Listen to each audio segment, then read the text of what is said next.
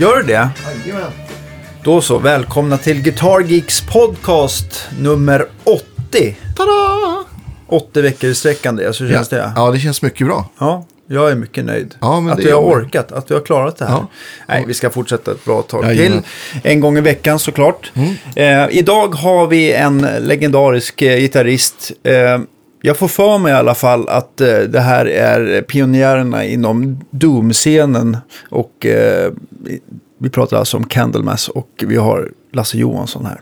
Tackar och bockar så Ja. mycket för att jag får sitta i denna behagliga atmosfär. Ja, Man bor nära. Ja, det är så men fint. du bor ju ganska nära oss, är det inte så? Du, Nej, bor, jag, jag, jag, jag bor inte på Lidingö så jag tog en annan tunnel hit. du tog eh, privatjeten. Ja, nej, jag tog den klassiska bilkön ut hit. Så. Ja. Ja. Aha. men det gick så bra. Så. Lidingö, det är totalt andra sidan stan. Men det gör ingenting, du är så välkommen hit. Eh, vad heter det? Ja, var börjar vi någonstans? När började du spela gitarr helt enkelt? Jag spelade piano när jag gick i, i, i skolan som tioåring och så har jag elva år. Och sen så vart det något konstigt tv-program där de begravde en legendarisk gitarrist 1970. Jimi Hendrix hette han visst. Och jag sa till min pappa, du, nu är det slut med pianot va. För då körde de ju Purple Haze då. Jag, och jag förstod ju ingenting. Jag hade ju bara plattor med Elvis Presley typ i samlingen i den åldern. Ja. Jag tänkte, vad är det frågan om? Vad gör han med gitarren? Ha, då var det bara att åka till Ramus musik i Luleå och säga, den där gitarren vill jag ha. Ja. Och så fick jag flytta in i garaget för min pappa sa, det där låter så jävla illa så det där kan vi inte ha i huset överhuvudtaget. så där befann jag mig då en, ett par, tre år tills jag fick eh, koll på, på tonerna. Och så satte man på skivor då och försökte spela efter skivorna helt Ja. enkelt. Och då, då, då hade man ju alltid polares äldre bröder som hade då Deep Purple, Led Zeppelin, Mountain och, och sånt här som, som var på på den tiden. Så där eh, startade väl hela paketet upp liksom. Man satt och försökte kopa det man hörde helt enkelt. Ja. Och det gick ju riktigt bra där så efter ett tag fick jag ju flytta in i huset igen. Från Jaha, okej. garaget. Ja då kunde jag Du ju är uppgraderad. Ja, ja, men han behövde väl garaget snarare till slut. Så att, vintern kom. Va, va, Vad var den första gitarren för någonting? det var en kolossalt dålig elgitarr som hette Duke. Ja. Som var någon Stratocaster-kopia. Med en sån här världens keffigaste svaj, typ så här Fender Mustang-svaj med någon böjd plåt bara. Ja, och så, så tre single coils eller någonting Ja, sånt ja, där ja, som är ja. lite kromade i kanten. Ja, precis. Och sen så var det någon, en massa switchar och skit. Och den var ju högerhänt, så det var ju bara att stränga om skiten. Just det, för du är lefty. Så jag är ju vänsterhänt. Så det där med Hendrix small ju rätt bra. Jag tyckte att det såg rätt ut när jag hade guran på mig. För han såg ju rätt ut. Ja. Det tog ju en stund innan man hajade att han bara hade snott det. Men jag gjorde ju det naturligt för att det, ja, men så ska det väl vara då. Ja. Det- Men du har strängarna åt, åt rätt Ja, håll, man måste säga. ha tunnaste strängen neråt. Annars blir det konstigt. Ja. Om man töjer. Vad roligt att du säger att den där duken är så dålig, för jag håller med dig. Men jag, jag har ju exakt det du pratade om. Den var ju så här i Sunburst, eller hur? Mm, lite, kry, absolut. lite krympt kropp och så, Ja, så någon lite strata-liknande huvud. Jag ska gå och hämta min. Ni får fortsätta prata. Ja, jag kommer om två sekunder så ska vi se om det är, om det är den. Om det kan vara så. Nej då. Ska Kommer. Ja, du är från Luleå. Jag är ju västerbottning själv. Nej, jag är född i Umeå. Du, du är född i Umeå, okej. Ja, och bott i Vindeln tills jag började. Det ligger fem mil inåt från Umeå. Alltså, jag är från Granö. Det är två och en halv mil från Vindeln. Ja, du hör ju.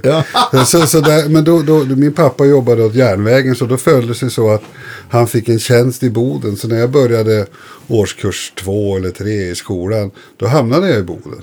ja. Och så blev jag kvar där tills jag hade gjort lumpen för att det fanns ju inga jobb eller någonting. Och skulle man spela musik där uppe då var man ju tvungen att vara väldigt energisk eller politiskt involverad Ja, och sjunga om arbetslöshet och lite kottplockarmusik så här. Ja. Kul, många bra musiker men jag ville ju spela hårdrock. Ja. Ja, visst. Jag ville ju köra lite mer åt Black Sabbath-hållet och sådana grejer. Det fanns ju ingen grogrund för där uppe riktigt så. Utan man fick ju, Nej, det förstår jag. man fick ju söka sig neråt och försöka. Mellan, vilka år bodde du i Vindeln? Från det jag föddes till jag var kanske åtta år. Sen hade de kvar sitt sommarställe där. Så jag var ju i Vindeln varje sommar tills jag, tills jag blev myndig höll jag på att säga. Ja, i stort sett. Har du, no har du några kompisar kvar där? Tänker du? Nej, nej, nej. De, de som man... Sådana där mindre orter blir det ju snarare att de, folk flyttar ju när de, när de vill förverkliga sig lite grann. Och, Ja, men precis. Så, så att det, det, det, det är ju tyvärr så. alltså. Det enda riktigt roliga minne jag har av, av Vindeln och just att vi hade sommarstugan vid Vindelälven. och när jag hade fått... eh, När, när jag blev sådär en 14-15 år. Då, eh, då följde det sig så att eh, jag fick ju ta med min förstärkare och min gitarr till sommarstugan. Ja. Och då, då hade jag fått en Marshall. okej. Jävlar vilket drag det var. Vil- och vilken- den, ja, en 100 watts basmarshall Ja. med 412. Den ställde jag på gräsmattan. och så hade jag fått en Hagström Viking halvakustisk. Ja. Och jag fläskade ju på som fan med den där. Så det ekar ju över Vindelälven. Jag fick ju sånt där Jimmy Page-sound. Vad coolt. Och jag spelade ju så Nu jävla... snackar vi analogt eko. Ja, det var alltså på riktigt. Så det ekade ju över Vindelälven. Så att till slut så, så, så kom ju eh, bönderna, de rodde ju över, det var två bönder. De var förbannade för de undrade vad fan det var som lät på andra sidan. För då han var rädd att korna skulle mjölkas ur mjölk för det lät. Du vet, det stod jag och matade med det här akustiska. Wow, wow. Över älven. Och så hade man ju också fått koll på Ted Nugent rundgång med halvakustisk. Så att man hörde bara korna råma på andra sidan. Det Liksom. var en brunstig tjur tänkte jag. Ja, ja, så att det, där, det, det, det, Fantastiskt. det är det bästa minne jag har. Och då fick jag lära mig att få kontroll över feedbacken på gitarren verkligen med en halvakustisk. Men sen vart det ju strata igen. Då, så var det slut med feedback. så att, men sen flyttade jag som sagt upp då. Så när man hade gjort honör nog många gånger där på eh, militärbaserna i Boden. Då flyttade jag. Jag gjorde lumpen med en kille som hade spelat bas med eh, Pippi som han hette, trummisen från Europe. Originaltrummisen. Och vi skulle bilda ett band ihop för han hade lämnat Europe då alltihopa. Men det vart så mycket komplikationer med folk och fe och replokaler. Upplands Väsby var ju lite av en så här, eh, hårdrocksmecka. Fast jag tyckte det var lite wimpig rock det där. Vad fan. Det där går ju inte. Jag vill ju spela tyngre musik eller sådär. Och det fanns ju ingen. Antingen lät man som Yngwie Malmsteen eller också så hade man världens krulligaste hår och spandexbrallor. Det Ja, fanns ju liksom inte. Och så träffade jag Leif Edling. Ja. Ja, vi håller på. vi håller på att spela in en skiva här. Jag har hört att du, att du är bra på att lira. För då gick det ett rykte om mig och min kompis som flyttade ner samtidigt. Norrlänningarna där. Som bor i Märsta. Ja, de, de är bra som fan på att lira. Men det, vi går ju inte att få tag i dem. Det, det, så är man ju va. Så jag träffade honom på lokal där. Och sa, ja men du kan väl komma ner och, och köra lite grann här. Och då höll de på att spela in Nightfall-plattan 87. Hos Ragnar och Styrbjörn i deras studio uppe vid Cosmonova-universitetet där. Och, det. och- jag gick ju in i, i lokalen då. Och där sitter gravallvarliga herrar bakom mixerbordet. Och, och, och, och, Ragne med cowboyboots från 20-talet. Ja, skitsamma.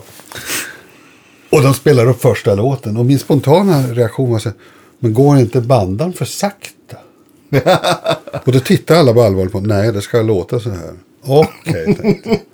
Now we're talking. Liksom. Så att jag gick ju bara plugga in min, min strata i, i en tvåtias Galgen Kryger-förstärkare. ja, just det. Som jag hade öppnat upp och dragit på en trimpot där inne så den fräste ju på sig in i bomben. Och jag sa, ja jag kan, jag kan väl vara med på den här skivan då så får vi väl se hur det går. Och nu är det 2017. Ja. Eller 2018 om vi ska vara riktigt ärliga. Jag låg några månader back där. Men Ja. Jag blev ju kvar där för att trevligt folk, schysst musik som man kan liksom personifiera sig med. Och inget bråk om skitsaker. Nej. Sånt här som får band att splittras efter tre år. Man ska bråka om det ena och det andra och det tredje och äganderätter och pengar och, och publishing och fan och hans most. Utan vi har kommit på ett recept att man ska, man, man ska, man ska inte låta kastrullen koka över liksom. Utan fine liksom. Och vi har haft lite pauser här och där ändå. Men så, ja. Det är ett koncept. Folk gillar det också på ett sätt. Det är bra livemusik och vi är tydligen lätta att ha att göra med på, i alla hänseenden. Så att, eh, ja, men så länge det finns ett, ett intresse och vi själva tycker att det är roligt, ja men då, då kör vi väl då. det, det, det blir ju så. Men kommer du ihåg, vad, vad, kallade, vad kallade ni musiken då i början? Fanns namnet Doom ens? Liksom, eller? Alltså den absolut första plattan som kom före Nightfall, den heter ju Epicus Domicus Metallicus. Ah, Okej. Och det var ju liksom en sån lite halvlatin krumelur över den Ja. där eh, titeln då. Och, och, och sen så föll det sig väl så att... Eh, eh,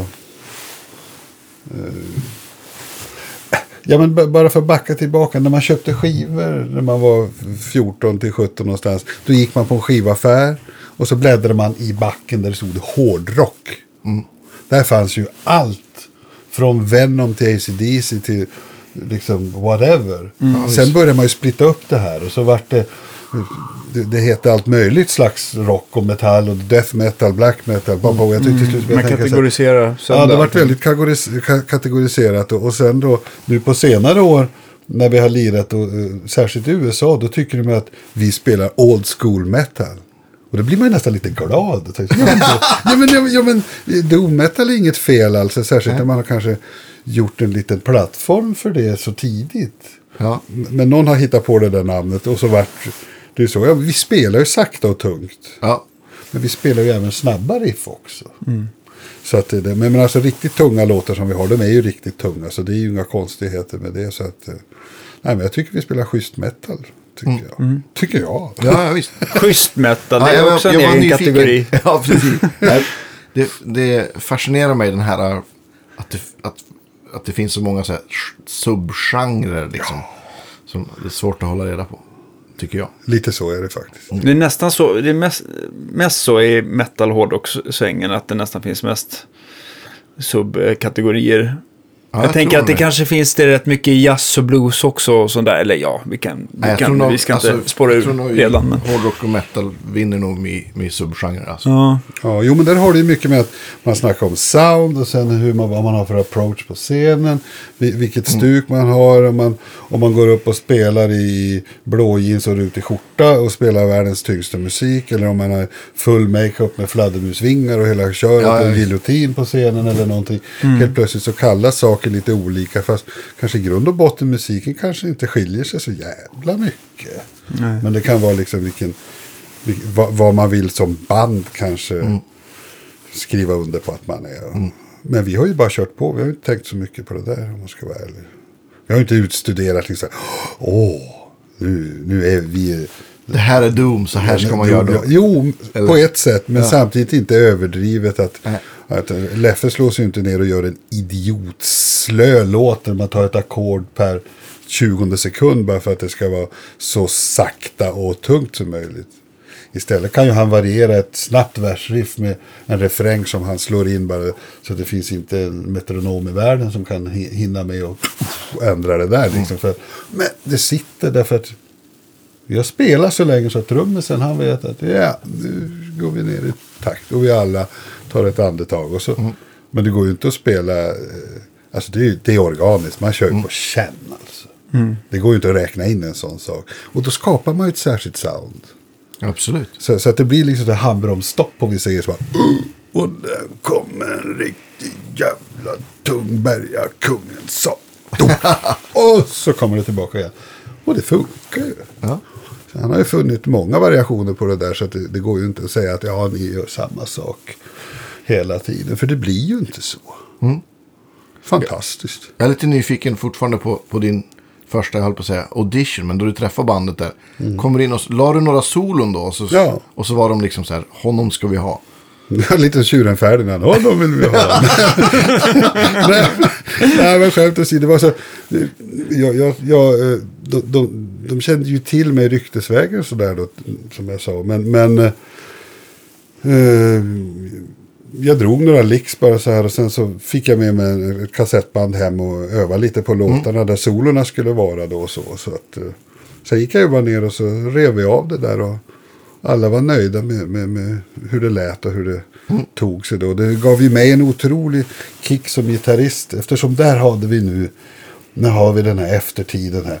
Van Halen kom, Yngwie Malmsteen kom. Man skulle ju spela gitarr så in i helvete. Så att man knappt kunde stå upp och spela. För att det var ju omöjligt att hålla koll på allt det där. Men här kom då en chans att vara med i ett band där man kunde variera sitt spel. Man kan spela både sakta och fort och melodiskt och trixa och använda svajarmen och grejer. Det fanns utrymme för alla områden där. Därför att ibland skulle solot vara i ett jätteslött riff. Eller också kom det en sånt här kast att det skulle bryta och så kommer sol. Ja, och det var halvtoner. Hela tiden en utmaning så. Och det tyckte jag var helt fantastiskt. Alltså. Istället för att man kör, ja nu kommer, nu kommer solot. Ja, det är bara en tonartshöjning på refrängen så här, som går i A, G och F. Ja, det var ju spännande. Det har ju aldrig hänt förut. Men så att det har hela tiden varit en, en utmaning. Och Leffe har alltid bjudit mig på de utmaningarna. Så här, så här, och jag kollar med honom alltid när vi spelar. Så här, spelar in så är det här du är ute efter? Ja, men kör bara liksom så hör vi när det är klart om det, om det funkar. Så jag brukar bara tokspela fyra, fem gånger per sol och sen så får vi se hur fan lät det där då. Ja, men då kanske man klipper första halvan från tagning ett och så tar man slutet på tagning tre.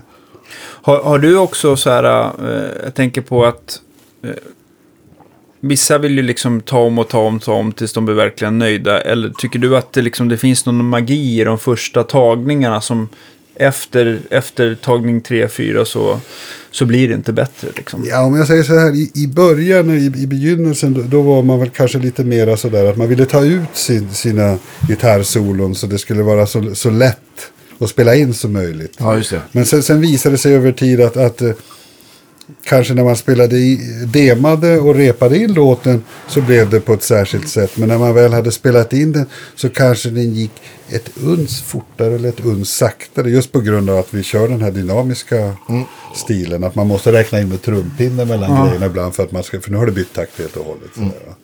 Och då kändes det som att ja, men det här solot kan jag inte spela i den här hastigheten. Så då var det snarare att man improvi- improviserade. Och det har ju blivit mitt, mitt stuk. Liksom. Jag tokspelar som en galning i en timme tills jag lugnar ner mig lite. ja, och, då, då, ja, men, och, man ska, och, och, och, man spelar upp och ner och fram och tillbaka. Och, och, och- och då, då, då kommer en sån här odödlig kommentar från mitten av 80-talet ungefär när Leslie West hade gitarrskola. Det kunde man läsa om i Guitar Player. Ah, okej. Och det var så jävla bra sagt för han är ju en snubbe som har en ton. Nu ska, man- jag, nu ska jag lyssna. Han har ju en ton som heter duga alltså. Och han har ju bra bluesfeeling och hela vägen. Men han är ju liksom ingen ton, alltså han spelar ju inte 100 toner per sekund. Nej. Det är inte aktuellt där. Liksom. Men det är rätt toner. Ja, då, då hade han gitarrskola och han, det bästa han visste det var att det kom en ny elev och han spelade skiten av sig. För han satt bara och kompade sig. Ja, kör vad du kan liksom. Och sen så böt han. Ja, nu ska vi köra en annan låt och nu ska du spela någonting som du inte gjorde tidigare. Då var ju killen helt ställd. För han har ju redan tömt hela registret för att liksom då blåsa omkull Leslie West ungefär. Ja. Men det fanns ju ingenting kvar sen. Och den känslan ska man bära med sig lite grann. Om man har en hel skiva man får spela gitarrsolon på. Kanske man ska, det är det jag menar, då kan man tokspela av sig lite i början. Och sen när man har lugnat sig lite då su- suger jag åt med låten så att säga. Så, vad är det man vill ha här? Ja men där kan vi göra lite si och lite så. Snacka kanske om Leffe där. Eller som nu i det här fallet när vi håller på att spela in, snacka med Marcus. Vad tycker du? Ska, ska vi börja så där? Ska vi påminna om en, någonting i sångmelodin på slutet bara för att känna igen? Och då, Ja. Jag menar har man en hel skiva att spela på då behöver man ju inte bevisa något de två första låtarna. Liksom. Nej. Man ska ju spela så det Passar låten. Alltså. Ja. Så att jag tycker Låten man har ganska fritt spelrum där tycker jag. Så Men ni håller på med en ny platta. Nu blir jag nyfiken. Här. Ja, jo, vi, vi in på det. Med Marcus. Gidell som producent. Ja, vad kul. Denna gigant. Ja, My, my, mycket trevlig och duktig kille på Ja, alla sätt och vis. Och det sitter aldrig fast någonstans och han roddar och fixar och, och donar med, med ljud och, och allting. Man, man, är så, man är så jävla bortskämd ska jag säga. Ja, Ja, men herregud, man, man, kommer in till en studio, det är lugnt och fint och alla är snälla och goa. Det är ingen stress och panik. Man kopplar in och det låter bra från början. Ja, det är ju fantastiskt bra. var har ni, har ni, var har ni, eller håller ni på eller är ni klara? Eller, och, och var håller ni till? Ja, vi håller till ute i samma kåk ute i Solna som Elfa ligger i. Det finns en studio där som han har, de har okej. byggt där. Och, och, eh, eller han har väl inte byggt det, men han har köpt in sig i den där. Jag vet inte hur det är. Den, den historien är jag inte helt på med. Men, men det är jättebra ställe i alla fall. Och, och, och, och, och Ja, vad ska man säga om det egentligen? Vi, vi, vi håller ju på och spelar in som... Vi har gjort en singel, vi har gjort en max. Jag håller på med huvud, en fullängdare nu då. Och de ska liksom som höra ihop på något vis. Att det följer som en liten trestegsraket det där i sammanhanget. Och det, eh, den första singeln ingår i ett projekt vi har gjort med, med, med Hyperfrost. Det är ju en spelsajt egentligen. Så vi har gjort musik till, eh, en låt till ett spel kan man ju säga. Ja, vad coolt. Ja, en del tycker vi att vi har sålt våran själ till Satan. Men jag tycker att det där, det, det där får man ju faktiskt avgöra själv. Vad man har för addictions. Liksom. Ja. Ha- Hade, hade, tänker man sitta och spela upp 300 000 på två timmar på ett spel. Då är det inte mitt fel. Nej. Det hade någon gjort ändå. Då hade man valt ett annat spel att göra det Sen får man väl lite se det så att i dagsläget får man väl hitta alla tänkbara sätt att sprida sin musik för att nå igenom bruset. Ja, jag tänkte lite så också faktiskt. För att det är ju en kanal. Det är ju inte konstigare än att, att eh, vissa musiker eller band kanske gör. De får ett, ett, ett hugg på att göra musik till uh, något tv-spel av något slag. Ja, men herregud, då rasar det in pengar ska du veta. Men jag menar, skivbolagen har ju krympt eh, på grund av alla nedladdningar och, Spotify-grejer. En, en, en normal ung lyssnare idag köper ju inte en skiva. De plockar ju låtar och, och skapar sig en egen, ett eget blandband i mobilen sin. Eh, Och, och där kanske man, man vi, vi gör ju skivor i en, Leffe gör ju låtar och skivor i en konceptkänsla. Man kan ju tycka kanske att en sån person då kanske favoriserar en låt han plockar ut här och där. Kanske tappar lite av konceptet men han gillar ju fortfarande, eller hon, hen säger man nu för tiden. Det mest förhatliga ord jag någonsin har hört talas om. Det finns bara två kön, förlåt. Mm. och, och, och då tycker man väl kanske att man kan tappa lite känslan över skivan i sin helhet. Men om de gillar en låt så gillar de en låt. Och det tycker jag är positivt hur som helst. Alltså. Ja. Så, så att då liksom att, att via detta eh, få en chans att få namnet exponerat.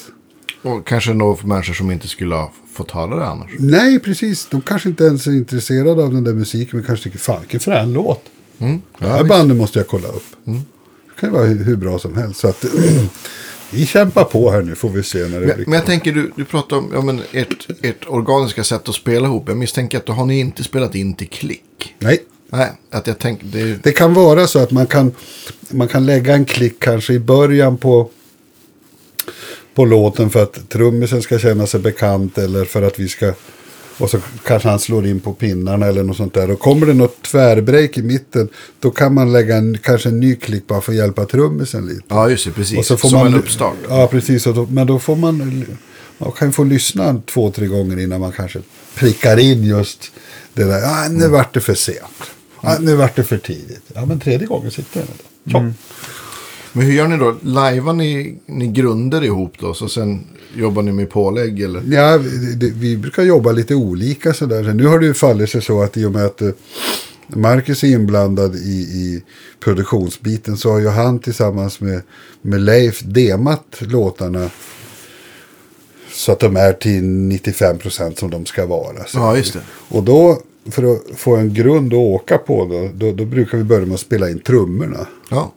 Och då har ju, eftersom Marcus redan har spelat in demon, så sitter ju han och kör med trummisen. Så då är man ju jävligt bortskämd. Va? Kommer man ju dit så är det ju klart, det är bara att spela då. Så, för då ligger ju hela trumgrunden där. Och med de här sackningarna eller någonting så att eh, det är bara att åka. Mm. Trummor först, gitarrer sen. Ja. En klassiker. Ja, ja, men det är alltid bra. Det är alltid bra. Men, men jag tänker, eh, eh, om man liksom, du, du kom in 87 där med din Galen Kryger som du hade skruvat på invändigt för att den skulle fräsa. Var det det som var eh, Candlemass-soundet ett bra tid framöver? Eller vad var det för stärkande ni använde där i början? Som liksom, Ja, det var bara då jag använde den. För den hade jag lånat av en, en kompis i Nacka. Så jag, jag tweakade ju den. Han var lite sur för jag var skruva i den. Men jag tyckte det var roligt. Och sen hade jag då en gammal basmarshall från 72 som Folkesson gjorde en specialare i... En sån jättetidig mod måste det varit. För kan... Ja, det där är, det är bland de fem Mark första ett. han gjorde. Jag åkte upp dit och då gjorde så att han, jag skulle inte ha någon ren kanal. Jag skulle ha dist på ena kanalen och ännu mer dist på andra kanalen. Och på baksidan hade jag ytterligare en gain och en treble. Ja. Och så gjorde han så att det var input och andra uttaget blev ju då kanalskifte. Ja. Och de andra två uttagen vart loop in and out. Aha, okej. Så då kunde jag köra min, mitt, mitt eko där. Ja, just det. Och that's it liksom. Ja. Och den var ju lite... Den var ju lite Van Halen-artad för han, han dubblade rörspänningen i försteget. Så jag nästan kokade rören och så satte vi dit ett extra förstegsrör i den också. Så alltså, den sprakade ju som en jävla brödrost alltså. Det var ju helt otroligt. Men så, så kom det en, en tid när man, när man kanske ville förändra sitt ljud. Och det har kommit ut väldigt mycket nya och bra förstärkare som man, man provar lite här och där. Och, Ja, och så fick jag en bra deal faktiskt med Hughes Kettner 2005. Och sen dess så har jag kört med dem faktiskt. För att nej, det har varit, om soppan smakar bra då ändrar man ju inte på receptet i onödan. Utan då, Man vet sparrisoppa med potatis är gott va? Ja, ja, Man ska inte sätta för mycket senap i det, det går åt helvete. ja, nej men typ. Ja. Men, men eh, jag tänkte på Hughes Kettner. De har gjort så otroligt många mo- förstärkarmodeller. Var det någon speciell du fastnade för? Så? Ja, Jag har eh, en core blade och en switchblade. Ja. 100 wattarna. Men de kan man ju aldrig ta med sig någonstans om man inte åker med helt egen produktion. Och vi gör ju 98% festivaler. Så att det var ju kul att det lät bra i replokalen. Men ute på giggen då fick man ju ta det som fanns. Va? Och. Och då är det ju som vanligt. Det står Marshall, det står Pivi, det står Mesa Boogie där. Ja, man tar den som är minst slutkörd. Och man får nästan prova det innan, Ja, alltså innan man man, ja, det är lite chansning för det är oftast mm, halvtimmes changeover på festival. Så. Plugga in, funkar det? Ja, men då har man kanske två backupper som man kan prova snabbt Ja. om det funkar. Men är, när du kommer till de där festivalerna och ser den här backlinen som har rullats fram på röda mattan åt dig. Vad är det värsta du vet som brukar stå där om man säger så?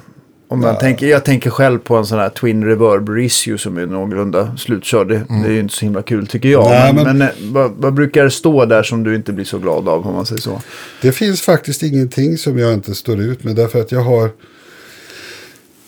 jag- jag, har olika varianter. Antingen så kör jag helt och hållet med mina grejer. Mina högtalare, mina 100 watts toppar. Pang, fine. Eller också kör jag med festivaltricket om man så menar. Och då har jag deras reseförstärkare som jag kallar den Grandmeistern. 40 wattar med inbyggda effekter. Just Den tar jag som handbagage bara. Tjopp och lägger upp i Perfekt. hatthyllan. Så, och den har ju då fördelen att jag behöver bara reverb och eko. Tack. Tjopp, klart. Inget mer. Sen finns det en till variant när man kommer kanske till Nordamerika när man har 110 volt och sånt där skit. Då har jag en Blackstar dubbelpedal. Så det är Marshall ena knappen och så låter den andra disten ungefär som en Mesa Boogie. Just det. Den gröna pedalen, den är jävligt grön. Och sen har jag kanske en ekopedal eller en reverb-pedal bredvid. Och wow, wow. Då kan jag spela med vilken förstärkare som helst. För jag sätter den bara på ganska rent ljud. Ja. och då precis. spelar det ingen roll om det är en Twin Reverb eller en, Nej. en ihjälkörd Marshall eller någonting. För att det är bara att dra ner den och så drar jag på ljudet från Ja, pedalen helt enkelt. Ja. Och det funkar klockrent varje gång. Alltså. Men det beror ju på vem man är som, som gitarrist också. Jag har valt mig att det funkar. Mm. Och då, Och det är ju speciellt att resa, då får man ju liksom försöka. ja, man får kompromissa lite. Man, man får fundera lite. Vad klarar jag mig med? Mm. Eh, Sydamerikaturnéer till exempel där arrangörerna håller med utrustningen per ställe. Där kan du ju få en glad överraskning var och varannan gång. Men oftast så har de haft Ge något skräckexempel. Nej, fa- jo men alltså man- man förväntar sig kanske inte att... eh, Vi, vi har varit förskonade när vi har varit där med att de har faktiskt, de har i alla fall tillhandahållit rätt schyssta, antingen Mesa Boogie eller Marshall ändå. Så att, men, men för att göra det lätt för sig själv så ställer jag ner dem på kanske lätt crunchigt ljud bara. Och så kör vi pedaler istället så får det vara vad det är. Liksom. Det, det, och det funkar, hundra gånger. Det är bara att åka. Hur, hur mycket, hur många är kvar från Från då du hoppade på bandet. Ja, kapellmästaren Leif är ju definitivt kvar. Ja. Och, och Janne, trummisen, han hoppade ju in bara några månader innan mig på den där Mm. skivan. Han är också kvar. Mappe, andra gitarristen, han är också kvar. Mm. Det är ju bara Eddie Messiah som, som var då som inte är kvar nu. Ja, det. det är det, vi har ju bytt frontman ett antal gånger. Men själva bandet har varit intakt. Just det. säga. Det är ju coolt. Ju över 30 år. Alltså. Ja, och jag tror nämligen att det kan vara en hemlighet att vi har bibehållit vårat sound på ett sätt. Därför att vi vet alla vad vi gör så tillvida. Och det är inga konstigheter. Det är trummor, det är bas, det är kompgitarr, det är sologitarr. Jaha. Världens enklaste sak för en mixerkille att rodda live. Det är ju inga konstigheter. Och hur man står på scenen och allt det där va. Och att jag och Mappe över tiden också så länge som vi har spelat. Vi bygger ju ackorderna ihop ibland. Om han spelar längre ner på halsen kanske jag tar fortsättningen på ackordet högre upp. Och då blir det en jättestor kompgitarr kanske. Det går inte att jämföra med att säga att det blir som en tolvsträngad gitarr. Men, Nej, men- men alltså det blir ju liksom fetare. oktaverar. Och, Ja, precis. Han kanske kör singelstring, tunga Black Sabbath-riff. Och jag kanske kör i kvintläget minus bastonen. Hur brukar ni stämma gitarrerna? I sis. Sis. Har det alltid varit sist? Eller? Nej, det, det har varit det. Ja. Men så sen eh, 2005 när vi gjorde plattan då.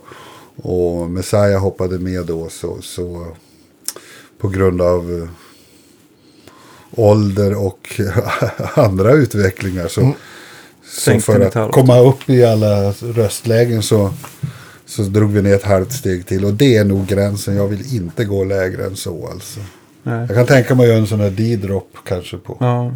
på E6 så att säga. Men, men sen blir strängtjocklekarna, det, det blir inget skönt att spela alltså. Vad kör du för strängar nu då? Jag kör uh, clear tone-strängar. Ja. eh, 11 till 48 eller 49. Inte de. De har väl en, eh, lite som Elixir, en, alltså att de, De är Eh, coatade. coatade. Ja. Ja, det tycker jag. Jag körde med Elixir förut faktiskt. Men, men jag fick en så bra kontakt med Clear Tone så att jag fortsatte där istället faktiskt. Och de, lat som jag är så tycker jag att det är perfekt för tre gig pallar den ju. Sen är det bara att byta strängar. Okej.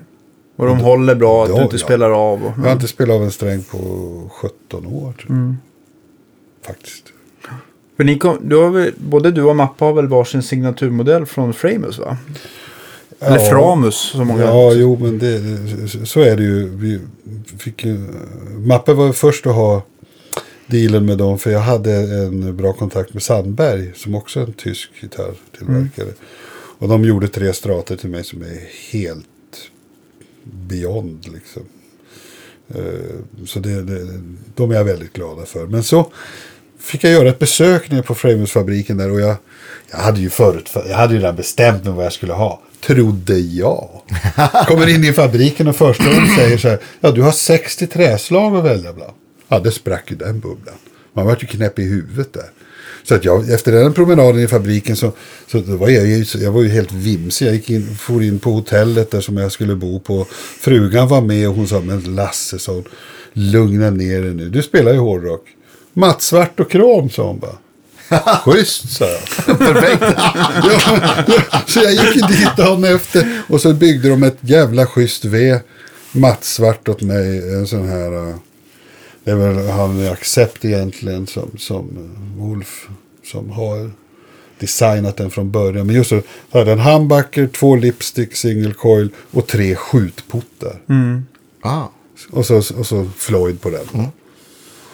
Och de tyckte ju då på fabriken, åh, very retro, sa han tysken. Uh, very modern. Schysst, då kör vi på det. Very retro, very modern. Ja, ja men skjutportarna där vart det lite så här 50-talsfeeling på, Ja. på det hela. Och sen då, som en backup till den så gjorde de en Phil XG. Ser nästan ut som en SG-gitarr, Precis, lite ja, twistad så här. Med en humbucker, en skjutpot, en Floyd. Och det är så jävla kaxigt med skjutpot för jag tycker, alltså det, det är ju bättre med vridpot. Ja. Men det ser så jävla kaxigt ut. För när man ska dra volymen så kan man se lite kaxig ut när man slår ner putten i botten. Och så, och så bara, wow, Full whack direkt. Bara, ja. och så kör man igen. Och de tycker fan vilken skum gitarr.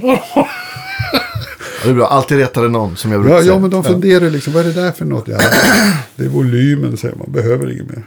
Men det- det måste ju vara, förutom just att kunna välja vilka, vilka delar och sånt där, så just när man får möjligheten att skapa sin egen modell eller gitarr så är det så himla skönt att vara med och peka på um, halsbredd och tjocklek och halsprofil och tjocklek, storleken fast- på ba- bandstavar och sånt där. Ja, men så, sånt är jag inte så jävla noga med faktiskt. För att, för att, eh, jag, jag vill ha... Om, jag får välja då när man verkligen gör en sån där custom-grej. Okej, feta höga band. Så kan vi bestämma om det ska vara Gibson eller Fender-skala. Sen är det bara att köra. Ja. Jag har valt mikrofoner, jag har valt svaj. Surprise me liksom. Men du har väl kört, eh, du har väl kört eh, Seymour Duncan Distortion som eh, Ja, den, den har jag som lead pickup. Den Ja. har jag på alla gitarrer i stort sett som har humbuckers. Och den har jag haft sedan den tror jag kom ut 86. Ja. Och det tyckte ju Seymour Duncan var jävligt kul. Så då gav de mig några stycken. Trevligt. ja, nej, det var jätteroligt för han som var, han som var artist relations snubbe på Seymour Duncan, han gillade Callum. Alltså, Ja. Yes! Nu har jag mikrofonen också. Ja. Så nu har, man, nu har man suttit med lödkorven så det räcker. Alltså. Nu har man bra ljud för det mesta överallt. Ja. Mycket bra. Va, vad var det du fastnade just med Distortion? Den är, är det just att den har lite mer output och... D- därför att förut var det ofta så att när man köpte en gitarr, en Gibson eller en Fender, det spelade liksom ingen roll. Alltså för att man, jag hade en psykologisk känsla av att när jag spelar lead så vill jag att den bakre micken, bakersta micken då, ska låta lite högre. Men det var ju aldrig så, för att när man satte på rytmmicken, särskilt på en Les Paul, så var det ju lite muffligare och basigare i ljudet. Så den lät ju egentligen lite högre och hade lite uigare ljud sådär. Inget lead-ljud kanske för heavy metal sådär. Så slog man på lead-micken, mäk, så lät den lite vekare på något vis. Det där måste vi råda bot mot tänkte jag snabbt. Så jag gick igenom både Mighty Might och DeMarcio och, och Seymour Duncan. Så fastnade jag för dem för den, den hade en schysst kärna. Den här lite, lite näsa i ljudet så att säga. Och sen då trodde ju jag att jag hade kommit på något. Sen visade det sig att olika träslag, en rosewood eller maple, allt detta spelar ju roll. Ja. På tonen i gitarren. ja, visst. Och så sätter man en Floyd på den och då händer det någonting mer. Så tänkte jag, fine, nu gör vi så här. Jag sätter den här micken på alla jävla gitarrer så kör vi bara. Nu orkar jag inte ta reda på, oj, oj, oj, oj vad händer nu? Liksom, nu? Nu är det bra voltage i guran. Ja. Ja, då får väl resten vara upp till mig då, tänkte jag. Sen har man ju några knappar på förstärkaren också om man Jo, vill jo, jo. kompensera någonting så. Så, det, så tänkte jag. Men du brukar, och sen har du, om du är handbacker i halsläge så har du alltid valt något lite snällare där såklart. Någon Ja, jag jazz brukar kanske. ta uh, Set Lover heter den. Det är någon jazz-pickup. Eller Lite, också- den är nog, han, Seth Lover var ju den som jag tror på mitten av 50-talet hjälpte, eller jobbade på Gibson och Mm. tog fram första puffen va? Jaha, Ja. Ja, just. Det är en vä- väldigt varm och skön ton. Eh, ibland kanske jag sätter den, den som heter jazz fram. Eh, bara för att ha en liten trevligare ton där. Och där är jag ju inte så ofta och figurerar, men ifall. Ifall det blir lite jazzparti. Ja, eller om man känner sig lite bluesig någon eftermiddag. Kan Ja. man skifta pickup sådär. så att så är det. Nej, man är ju lite skadad av det där Va- Van Halen-syndromet. Liksom. En mick, en ratt. Jaha. Det har jag gjort på de flesta Les Pauler, klipper jag bort tonkontrollerna. Det är ju bara det. CTS-portar, så rätt ut bara tjock. Ja. Det blir sånt jävla såg i dem då liksom. Ja men tonkontrollen, även om den står på max så den här kondingen tillsammans med putten då Bromsar dämpar ju lite diskant också. va? Så att du, man får ju mer output då. Framförallt Ja. lite mer öppenhet och diskant av att klippa bort det där. Så det är ett tips för ja, den som vill... en, en del tycker att det är helt galet alltså, men, men det, det, det struntar ju jag i. Ja. Less is more. Ja, Ja, jo, lite funkar det så. så funkar det. Många strata jag har ser ju ut som en vanlig strata. Men det är ju bara en volym och en mick som är inkopplad. Mm. Jag tycker man kan bibehålla looken men sen... vad- Jag upptäckte också många gånger att man for och slog den där jävla switchen och grejer. Så oj, plötsligt stod man och spelade på en annan mick. Nej men det var ju väldigt irriterande. Då klipper vi bort den mikrofonen och switchen så har vi inga problem med det heller. Ja, på det sättet gick det till. Varför bytte du från Elixir till Cleartone? Ja, det var ju egentligen samma princip egentligen. Men att de, de, de, det var snarare så att jag köper så mycket strängar att jag ville ha en, ett, ett schysst pris. Ja, Och då föll det sig så helt enkelt. Att de hade ett bättre erbjudande. Mm. Så att, jag har inte testat dem, det måste jag göra. Förlåt att jag missade. Vilka dimensioner valde du där på Cleartone? 11 till 48. Så sa du. Mm. Det, det är någonting jag har noterat. Det är också en sån här gitarrnördig grej. Liksom. Om gitarren är stämd 440 som vanligt. Då kan jag köra 9 till 42. Stämmer den i D. Då blir det 10 till 46. Stämmer den i cis. Då blir det 11 till 48. Och gör jag nu detta på detta sättet med de här strängtjocklekar. Då behöver inte jag efterjustera halsen för det blir samma tryck. För Floyden hänger precis spikrakt. Ja, just det. Jag behöver inte kompensera med fjädern heller. Nej, just det. Men det är ett bra kvitto. Ja, då vet man att det är ungefär samma tension här. Ja. Okej. Och det känns schysst. Ja. Och då är det inga konstigheter. Nej. Så, men det är ju personligt. Menar, Ta 20 gitarrister, du får ju 20 olika versioner på, på den där frågan ändå. Så att det är Ja, så visst. personligt. Alltså. Ja, men som jag brukar säga också, om man, om man sitter och spelar på en gitarr och så skickar en... Ja, nu spelar du åt fel håll, eller inte åt mitt håll rättare sagt. Så, men det första du skulle göra är ju förmodligen att stämma, för alla har olika touch. Och Ja, nej, det är en men fascinerande grej, tycker jag. det, det, det är så olika så att det där är... Det är ett öpp, öppet recept. Mm. Kan man säga. Underbart. Vad heter det nu på, på sista skivan här då? Då har ni, ni spelat in eh, med Marcus där. Vad har ni kört för? Vad har ni spelat in med för grejer? Stärkare och pedaler och så vidare. Ja, hörde du, han har ju en hel myriad med pedaler som han har tagit fram. Så att där vet jag faktiskt inte riktigt. För han har ett pedalbord och så kopplar han in vissa pedaler. Han kör inte igenom hela då till mig. Utan då kanske han plockar ut en diskbox eller någonting. Så att jag, jag ska svära på att jag är inte hundra på vilka pedaler eh, man har använt. I vissa hänseenden har det väl kanske varit någon, någon oktaver av något slag. Men mest kanske en, en overdrive. Bara för att pytsa på lite grann på eh, bland annat eh, Olsson-förstärkare. Som använder. Ja. Mycket trevligt. Det är faktiskt en ny stärkare som eh, kommer. Eh, det är fin- du har ju den enda. Eller Marcus har haft den enda. Den här samarbetet med Björn Juhl. Precis. En eh, Ja. 100 watts topp med två kanaler som kommer. Eh, jag tror att den kan ni få se på Fassmässan nu i Göteborg. Ifall ni ska åka Mycket dit. trevlig Ja förstärkare. slutet av maj. Otroligt bra. Jag tänkte så här på, om man tittar på Candlemass och sånt där. När kan man säga att det liksom eh, tog fart ordentligt? Var det första skivan och det sa pang bom på en gång? Eller? Ja, det, det var väl lite så att på den tiden så, så spelade man tyngre eller, eller brutalare än, än Europe. Då var man ju klassad som, som någon märklig varelse. Och togs kanske inte riktigt på allvar då. Så. Det där sparkade vi ju snabbt åt sidan genom att skita i Sverige. Ja. Men vad var det för idé? Det var ingen som tycker det här var kul. Och de få som tyckte det var ju en lätträknad skara kanske. Innan. Det fanns ingen möjlighet att, att ta sig igenom det här, det här suset. Liksom. Nej. Så vi åkte ju eh, till, till Tyskland och Holland. Och där blev det glada toner minsann. Av de här inte så glada tonerna blev det glada toner. ja, nej, för att då gjorde vi så att vi gjorde ett bejublat gig på Dynamo-festivalen 88. Och det var ju bland, sen, och då fick vi ju, då skrevs det ju upp någonting fruktansvärt. Alltså. Först fick den här Nightfall-skivan jättebra recensioner på alla sätt och vis. Som en uppföljare till den här Epicus-skivan.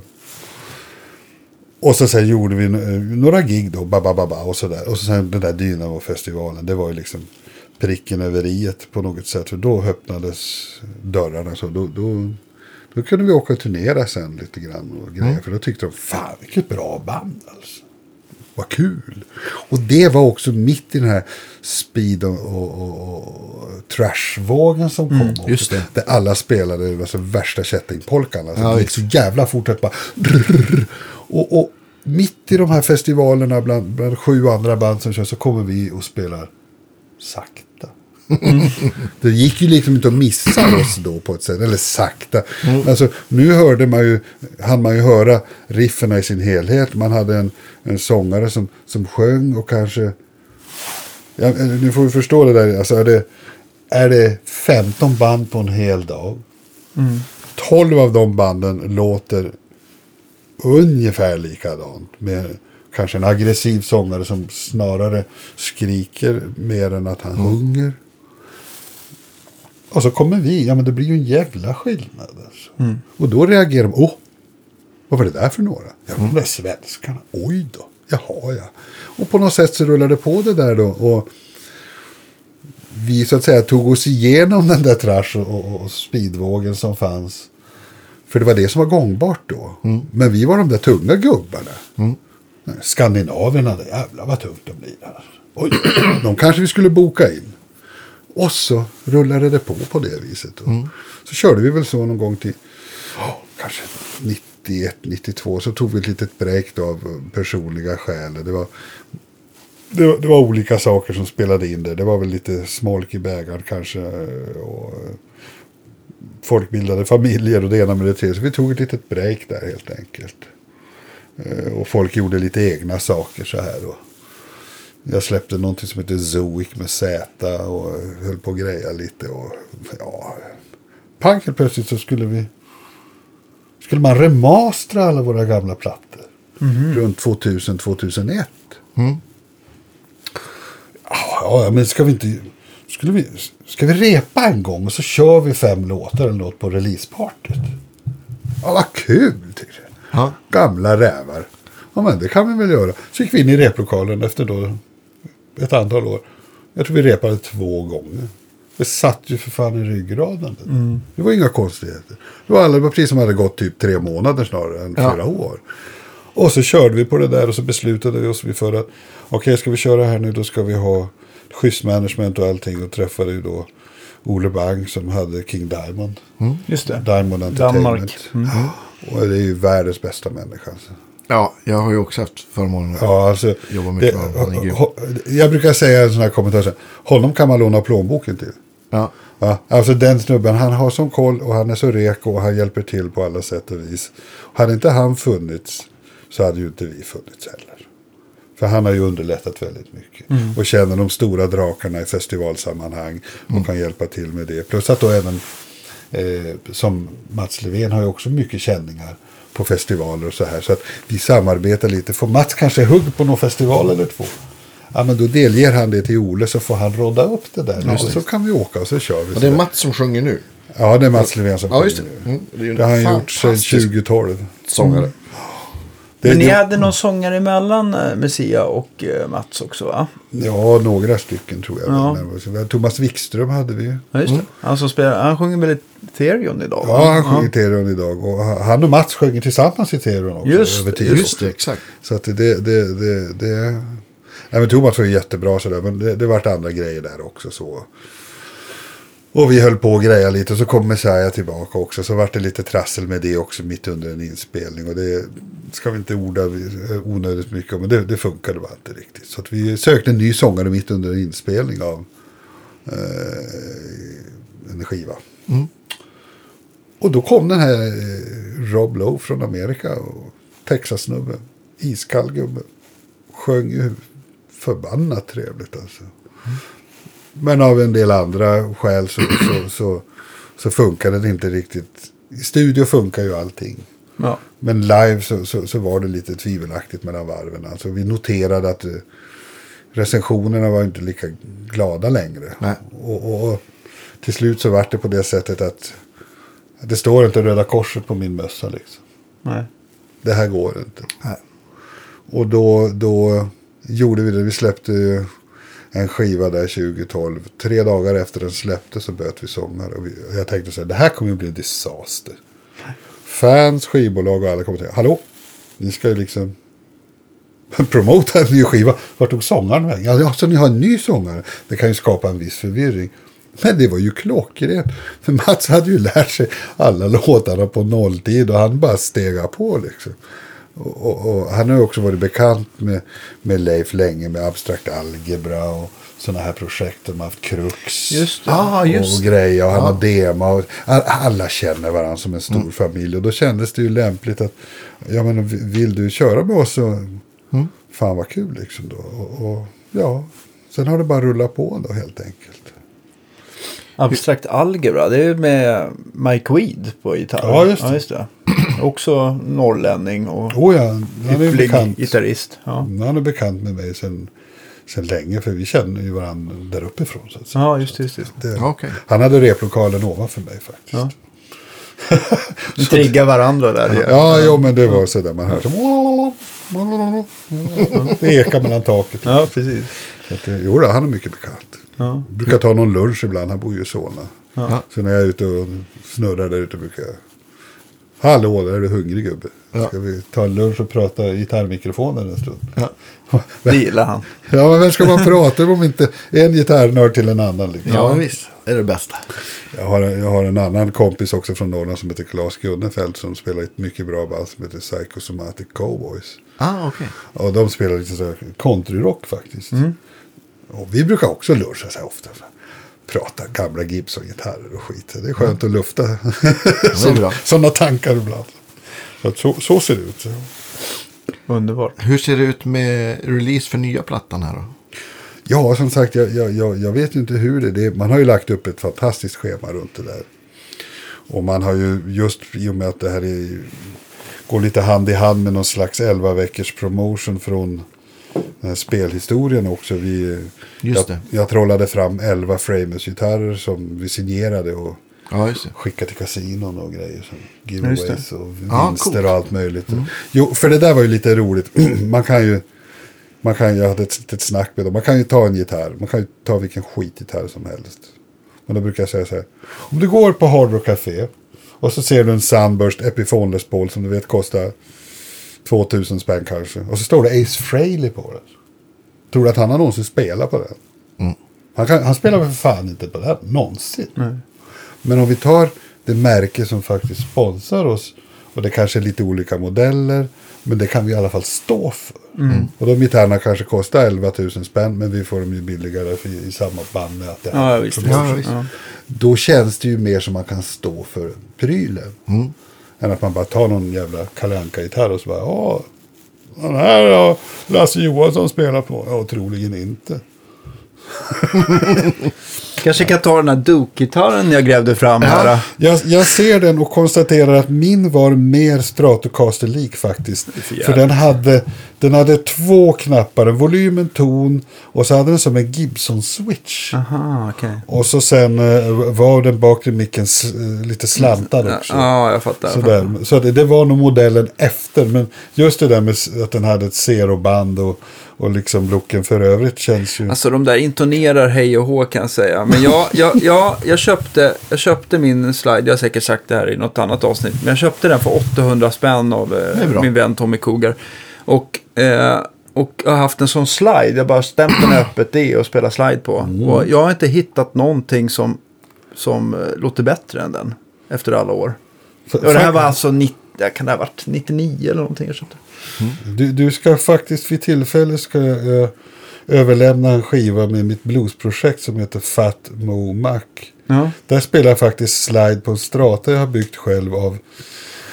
Kroppen är av en, en stämstock från en Steinway-flygel. Jaha. Det är 19 lager krysslimmad bok. Alltså du kan slänga den framför ett tåg. Det händer ingenting alltså. Och så har jag satt en Seymour Duncan Quarter Pounder single coil. Precis i mitten. Ja. Ja, vad coolt. Och så jag så här slipade jazzsträngar. Det är väl 014 Ja. till 60 eller någonting. Jag vill inte skryta på något sätt. Men, Men den man, låter bäst. men man förvandlas till Rycoder. När man, det, det blir det här varma. Och så sträng, alltså, strängtjockleken är ju en centimeter. Alltså höjden är ju en centimeter. Nu Vad är det- stämmer du då i? Ja, som ett öppet D. Ja. Och man, man, man, du vet. Oh, brown. Ja. Det blir väldigt mumma. Den här ser ju ut som att den är från, eh, den har inte gjorts någonting från andra världskriget och det stämmer nog. Men jag har den som reservdelsgitarr. Så jag Ja, hittar men- inte ah, min, okej. min, egen- den som jag spelar på. Men Så då är- din går sönder, då plockar du något Ja, men Ja, men jag tar, tar det så att jag har liksom reservmickar och eh, reservplektrumskydd eller vad man nu behöver. Så om man bara vill flytta över. Självklart så vill jag inte använda mekaniken och sånt där. Men, Ja, men just denna- mickarna låter helt magiskt. Denna gura som du nu har som slide Men ta en sån här uh, David Lindley. Ja, Slidegura. Har du sett hans gitarr? Det ser ju för fan ut som en hög med, med, med majbrasor liksom. Det är inga... det är det jag menar. Personliga sådana här udda grejer kan låta helt fantastiskt. men han, kör, han har väl någon variant där liksom att det är en, en lapstil som han har s- alltså, Han har massa stående. olika. Ja, och det är likadant Rycody. Ja. Han byggde ju någon slide-gitarr som var tre meter lång. På, som han satt på golvet med en vinflaska Ja, och slidade. Ja, det kan man hitta på. Ja, Han, han släpper för övrigt ny skiva nu i maj. Gör han det? Jajamän. Vi, ja, ska vi köpa Ja. en sån? Absolut. Det är roligt med gamla pionjärer. Ja, men han har ju också så här, han har ju satt lapsteel-mickar på sina Ja. stratter liksom. För att få. Han hade ju någon jävla märklig strata också där han kunde liksom med pivotter ändra stämningen. Jaha. Men den gitarren blev stulen. Han hade någon tryckknappsgrej så, här, så då var det strängarna gick runt sådana här pivotter. Så, Ja, så vreds det något andra hållet så vart det normalstämd, E, Ja, dur. Ja. Mm. och greja må. Jag tror jag tre steg. Någon snodde ju den naturligtvis. Så fort man har upptäckt något. ja, så kan det vara. Berätta mer om ditt eh, bluesprojekt där. Nej, det, var, det var egentligen så att jag, jag ska försöka göra en lång historia kort där. Jag, jag hade en, en känning av att jag, jag, jag ville göra någon, tömma mitt huvud helt enkelt. Så, så tänker jag om jag får göra en skiva ibland. Jag har gjort en par, tre stycken. Att det handlar om att tömma huvudet lite grann. Jag, jag är som en författare. Om någon läser min bok är jag glad. Jag förväntar mig inte att tjäna några pengar på den. Men om allt är betalt och det går break-even så har vi i alla fall haft en jävla trevlig stund. Mm. Och det där blir ett det är ju ett, en monumental grej för sig då.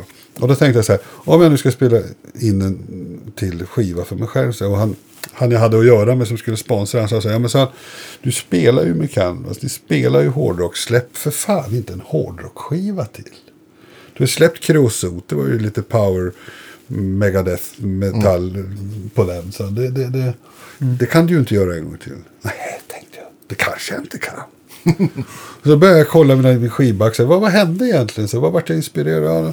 Hendrix, Pat Travers, Jeff Beck. Ja men titta nu börjar det ju hända grejer. Rick Derringer. Ja men kolla nu. Vad har jag här i backen egentligen? Ja. Så ska det vara. Så det gjorde jag så att jag hade en massa riff som jag satt och hamrade på, på sängkanten. Till slut sa min fruga så här, ja men Lasse, ska du inte ta och gå in i studion med den där nu? För nu har jag hört dig spela om den grejen ett halvår. Det är väl snart dags va? Ja älskling, så ska vi göra, så så då fick jag kontakt med Din fru verkar vara väldigt bra på att Hon är knuffa dig över fantastisk. kanten. Liksom. Ja. Hon, hon, hon, hon har sagt så här, du får äga lika många gitarrer som du är gammal. Fattar du vad snäll hon är? En per år alltså. Ja, Till. Det är ju helt underbart. Och jag kommer inte uppnå det, men det ger mig en viss frist. Ja. Nej, men då gjorde jag så att jag tänkte så här, vad fick mig att börja spela gitarr? Och jag tog kontakt med min gamla gitarrkompis som jag flyttade ner till Norrland, eh, från Norrland ner till Väsby. Vi, vårat eh, umgänge delades lite när jag började spela med Kalmar. Då, för, ja, men det vart ju bara så. Vi spelade inte ihop längre, jag fick ju ett hugg på ett band som det hände grejer snarare då. än Att sitta i en replokal hela tiden. Så, ja, och han bodde kvar där, jag flyttade in till stan. Och, ja, men det blir så där. Man kommer ifrån varandra lite grann. Och jag sa så här, men jag har ett projekt på gång. Så jag skulle vilja, vi, vi kör det här. Det finns ett fjäll i Kiruna som heter Fatmomackefjället. Så vi är, maj- majoritet norrlänningar här kan vi kalla för Fat Momack med punkt emellan. Ja, Fan, det låter, det låter som ett jävla som, en, som ett rapband. Jag måste säga, det finns ingen färgad snubbe med bakvänd keps med här. Utan det är bara bluesrock. Fat, punkt, mo, punkt, mac. Får de tycka vad de vill om det. Ja, ja, ja. ja. Och så ringde jag upp Stefan Gunnarsson. eh, Som är Boden. pianist och multiinstrumentalist. Han är också en gammal bekant. Och vad folk inte vet är att han är en fruktansvärd jazztrummis. Han är så bra så att... Så att man, Han spelar ju allt. ja, och hans pappa var ju jazztrummis. Aha, okej. Så att det där var ju liksom bara... Så jag ringer upp och säger och förklarar precis hur det är. Jag, psh, oj, oj, oj. Va? Ska, ska vi göra en skiva? Ja. Vad ska jag göra? Ska jag spela keyboard eller ska jag sjunga? Nej, det ska du inte göra. Och vad ska jag göra då? Du ska spela trummor. Ja, skrek jag. Jag kommer på en gång liksom. Så han packade i kärran. I stort sett. Och jag tror vi... Vi bara repa en gång i en lokal vi lånade bara för att jag skulle presentera riffen. Så det här är inga konstigheter, jag orkar inte hålla på liksom. Och, nu kör vi på känn va. Och så fick jag en bra deal med, med Lennart Östlund på Polarstudion. För eh, han- tyckte att det här lät ju intressant. Vad håller ni på med egentligen? Och då, då, då var det ju så att uh, Uffe Larsson, eh, som brukar ha ett annat artistnamn, eh, var ju, hade mixat och jobbat med Candlemass tidigare. Så han var med och spelade in. Så vi gjorde så vi ställde bara upp trummorna och så satt jag framför Stefan Gunnarsson. Och så satt Roger, den andra gitarristen, och en basist jag hade som heter Tobbe Moen. Och sen nu kör jag det här riffet. Då får ni lyssna på det. Och när ni tycker att det är kul så kan ni haka på. Och så, så gjorde vi det. Och alltså, Lennart kom in där glasögonen åkte bara längre och längre ner på näsan. Jag tänkte antingen så tycker han att vi är helt waste of time liksom eller någonting så här. Och så kommer han in och säger efter ett tag. Ja, det här låter som en blandning av Robert Johnson och Vasa Express. Bästa cred jag fått. Liksom. Ja men då så, så, här, så gick han in igen där. Och så körde vi. Så när vi hade vant oss vid några riff så säger ja men då gör vi så här. Nu kör jag det här riffet sju gånger. Det blir vers, vers, solo, vers, dubbelsolo ut. Whatever. Sjunger kör vi, också då? Och så kör vi bara rakt av. Vi kör tre versioner sen sparar du den bästa. Så kör vi. Ja, bla, bla, bla. Så till slut satt ju trummorna. Med vissa hänseenden har jag sparat min slaskgitarr för den funkade bra där. Och sen så hoppade de andra två in då och la sina grejer som plattform på det där. Och så bad jag Mats Levén sjunga på det där. Ja, okej. Och, det blev, och han sa ju först, men Lasse jag, jag är ju ingen bluessångare. Sa, sluta nu, du är ju en världens bästa sångare. liksom. Ja. Din, din, rockgrund ligger ju mycket blues i ryggraden. Så han kände sig inte riktigt bekväm med det. Jag gjorde så att jag skrev kanske en vers på en text. Så sa jag, antingen fortsätter du skriva på den här. Eller också så fortsätter jag skriva på den där. Eller också skiter du i den helt och hållet och skriver vad du vill. Nu improviserar vi lite. Det är det det handlar om. Bara kör bara. Och han har ju sin studio hemma så han la ju, han la ju fantastisk sång på det där. Liksom. Han har fått mycket cred för att de, folk har hört en annan sida av honom. I sammanhanget. Ja, just det. Det Fan vad nyfiken jag blev. Ja, och, det, och det tragiska med det hela måste jag säga var ju att min kompis, den andra gitarristen, han gick ju bort. Han fick en hjärtattack och dog efter tre låtar. Nej! Nej. Ja, så hela projektet liksom, det tvärnit direkt. Och jag hade ju ingen lust att hålla på med det där.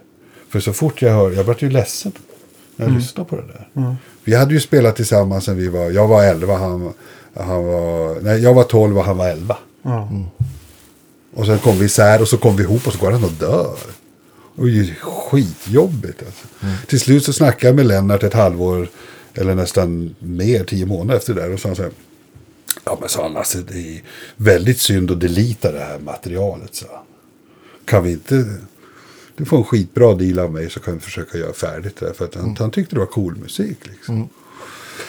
Då snackade jag med den här killen Claes Gunnefelt som jag också lunchar med ibland. Så kan inte du hoppa in och gästa? För han är ju riktigt jävla bra gitarrist. Alltså med, med mycket bluesnerv. Spelar, bara, spelar helst på en 57 Les Paul Junior. Det, det är ju P90 och wraparound. Det låter ju förstår du. Ja, det är magiskt. och, och, och, så, och så gjorde vi så, så vi slutförde den där skivan då. Att det fanns två instrumentaler och det, det är lite si- så, så raj, raj, det är, man hör att det är lite skit under naglarna. Och, och, och man hör när, när, när, man gör, när en låt slutar och så hör man avslaget på. Man så, här, psh, så hör man någon snacka så här. Ja, det, då det, innan det förs- alltså det känns lite Ja. live på riktigt så.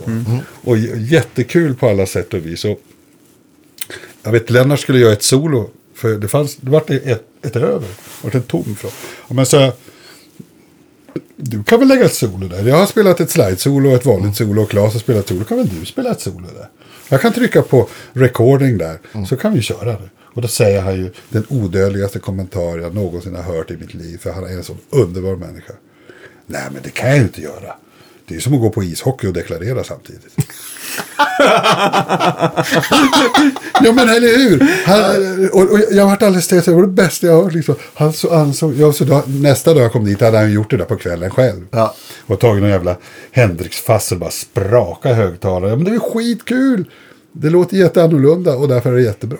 Och då har vi uppnått det, det vi ville med det där. Och så mixade han det där och sa så här. Låtsas att det är 1976. Jag bryr mig inte om dem mer. Gitarrerna ska höras. Jag oroar inte för det, sa han. De är inspelade i stereo. Ja, tack så mycket. ja, men sådana där eh, saker liksom. Och sen tar jag det här materialet Och så hälsade jag på Mats Lindfors som också tyvärr har gått bort. Ja. Fy fan vilken sorg. Limpan. Limpan. Ja, en, Alltså, glad, jag- en glad kille. Du, det var som att få ett slag i magen alltså. Och, ja, hur som helst, jag åker dit med den här Men inspelningen. det var väl också från eh, Blixt från klar himmel va? Han fick någon propp av någon, han hade ju varit dålig men han hade ju blivit friskare. Okej. Så, så att han, eh, det var någonting som hände i alla fall så här, snabbt sa det i alla fall. Så, så, han då- körde ju cutting room sista. Ja, precis. Så jag var ju till Cutting Room, jag kom ju dit och jag, jag sa ju det liksom så här, jag har inte mycket stål här, men jag skulle vilja master det här. Jag förklarade hur det hade gått till och hur min kollega hade dött där och alltihopa inspelningen av de värsta. Liksom, det. och han sitter och tittar på mig så här. Och så vänder han sig om så håller han upp armen så här. Gåshud Lasse. ja men det låter ju, det är 76. Jävlar vad Lennart har skruvat här. Så, alltså, nu ska vi spionfixa lite. här. Så, han hade sådana här läten och grejer för sig. Och han rattar ju till det så att, att jag tycker att det låter ju helt kanon. Det låter inte nytt. Och det låter inte modernt på något sätt. Men det låter helt rätt. Tycker jag. Har Men, men, eh, men kan du beskriva lite vad han eh, städade bort eller tog fram mer av? Nej, han, han, alltså det, det, det städas inte så jävla mycket. egentligen, Man komprimerar minimalt och sen så bara såg man till att, att eh, om det var någon frekvens som pikade så högg man den bara lite Ja, grann. okej, okej. I, inga konstigheter alls. Det, var lite, det är lite olika sound mellan låtarna men det är för att det är lite olika låtar. Men gitarrljuden är ju ungefär detsamma så det följer röd tråd. Men vad spelade du själv på på den inspelningen? Då spelade jag på den där uh, slideguran jag hade byggt Ja. själv. Ja. Och så spelade jag på två olika strater och två olika Les Pauler och Neske. Okej, och in i eh, någon eh, Jugsen Kettner-stärkare? Nej, då använde jag en liten rolig pedal som Yamaha byggde en gång i tiden som heter DG Stomp. Just det.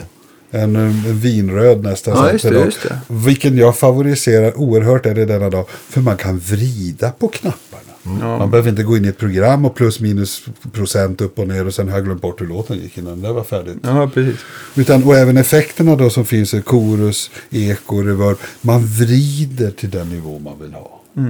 Och då att det är liksom knappar för gain. Allting under kontroll. Och man kan finställa det där lite för varje sound. Så den använde jag i stort sett på hela inspelningen. Och Claes Gunnefelt han använde en, en Hughes Kettner eh, Tubemeister, det vet jag.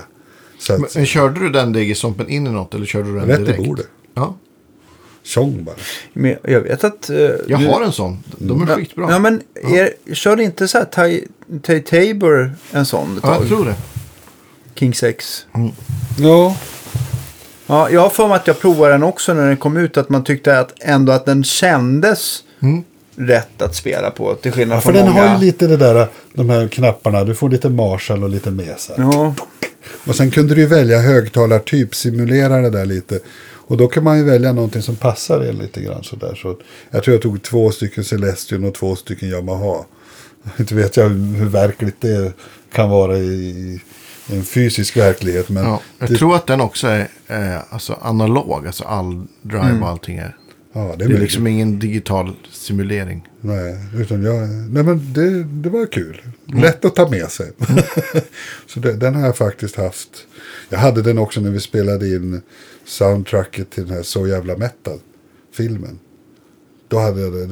Jag spelade, Ja. spelade Gura där med. Ja, vad kul. Jag och Paul Diano sjöng och, och det var värsta hallået med Ja, men det- folk där. Vem har, vem har gjort musiken till den filmen? Hörru du, jag... Är det inte Jimmy Lagnefors? Eller? Jag har ingen Eller är aning. jag på en annan film? Det, nej, jag, det där så jävla metal som handlar om svensk hårdrockskultur. Ja, är det den? Ja, just det. Ja, precis. Och det var... Jag, jag vet inte hur det var. Jag hamnade bara i en studio så, så hade jag med mig den där så spelade jag gitarrsolo. Och så gick jag hem. Åt en pizza och gick hem. Så, Mm. så det kan vara så. Sen, sen brukar jag också delta i det här fantastiska metallprojektet som heter eh, The Project Hate. Jaha. Med, med Lord K som låtskrivare. Det är otrolig metallopera. Det är allt från akustisk gitarr till en smedja som brinner ner. Sån variation är det alltså på, på musikaliteten. Och det är också en otrolig utmaning för mig. För där får jag spela med moderna ljud och moderna... pro- Alltså på en, det, det som... Jag spelar ju redan i Candlemas som är det som är viktigt och som funkar.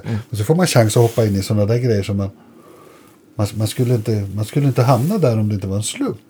Att man kände varandra, att, man, att det funkade personkemin och sådär. Och så är det då en musikform som utmanar en som musiker. Ja, men ett jävla hopp från det till Candlemass till en bluesskiva. Och Då får jag ju hela mitt lystmäte fyllt alltså. Mm, det. Jag får ju spela allt möjligt mellan himmel och jord. Så, att, så att, eh, på så sätt tycker jag nog att, man, att, att jag är ganska rikt lottad skulle jag vilja säga. Vi brukar göra en spellista ofta, inte alltid ska jag säga, vi- ibland glöms det bort, men eh, med våra, våra gäster så här, och lägga, så det känns som att det måste vi göra här. Det blir ju en väldigt bred blandning då med olika det, projekt. det från- kan bli så. Det är jätteroligt det. Har ni, eh, eh, jag tänkte med Fatmo Mac. Eh, har ni, blev det några liveframträdanden med det? Eller har det Nej. lagts på is? Nej, alltså det finns önskemål från han som sponsrar det där om att göra en, en skiva till. Men jag har sagt så här. Money talks, bullshit walks. När det kommer fram med pengar kan jag väl. Jag har väl en fyra, fem låtar till man kan börja med. Och sen när man jobbar med den musikformen när man väl spelar in så då får man snabbt fram fem låtar till som, Okej. som, som, som matchar det läget. Men, men Jag, det jag tänkte att du var tvungen att vänta på att din fru skulle säga att nu är det dags att gå in i studion. Nu har jag hört om det. det Ja, är nu, nu, nu kan du gå in i studion, nu kan du de där riffen. Nej, utan det handlar ju snarare om att det, det fanns ju, det var ju dåligt med att få en sån ny produkt kan man inte begära liksom att man får så- bra betalt så att det går ihop sig. Jag menar, folk måste ju få betalt för att de utför ett jobb. Jag menar, både Stefan Gunnarsson och, och Mats, de är ju liksom de lever ju på musiken. Man kan ju inte begära att de ska åka till en festival i Tjotahejti för en piss i Mississippi. För det funkar ju inte. Liksom. Nej. Och sen också svårigheten att få det att fungera. Folk är ju så upptagna med alla sina projekt och allting. Så att vi, det, det får vara som jag sa, det får, får bli en bok som någon läser. Får vi vara glada för det. Jag kommer definitivt lyssna. Ja, jag är väldigt Ja, men peppad. det, det, det är kul. Och, och, och, jag fick fantastiska bra recensioner från Amerika faktiskt. Jag satt och skypade intervjuer skitmycket. För det var där det hände grejer. Och de trodde att vi var från Alabama. Det kan ju inte vara bättre recension. De Fantastiskt. trodde och så att det var fantastisk musik. Robert Johnson, Alabama och eh, Vasa Express. Ja, Ja, just det att han sa det var fantastisk musik att köra bil till.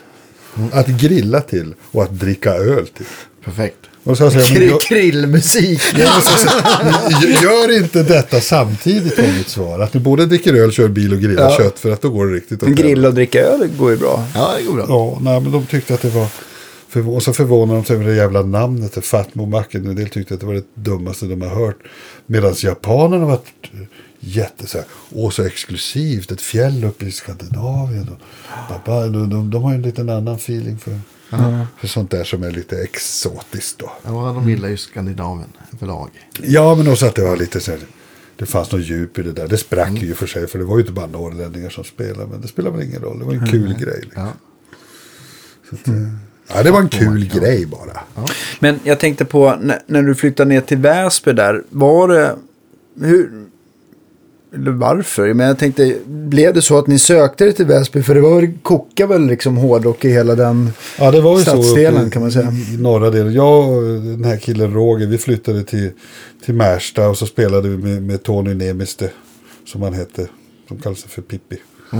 Eh, I Upplands Väsby och repade där. Och hade en basist som hette Peter Olsson. Och sen, så, men vi hittade aldrig någon riktigt bra sångare. Så det vart ju ingenting. Va? Ja, Okej, och vad var det för stil på musiken Ja, då? det, det, det var ju lite mera kanske åt... eh,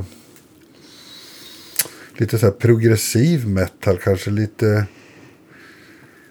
ja, Jag kan inte förklara det. Soundmässigt kanske lite kommersiellare Megadeth.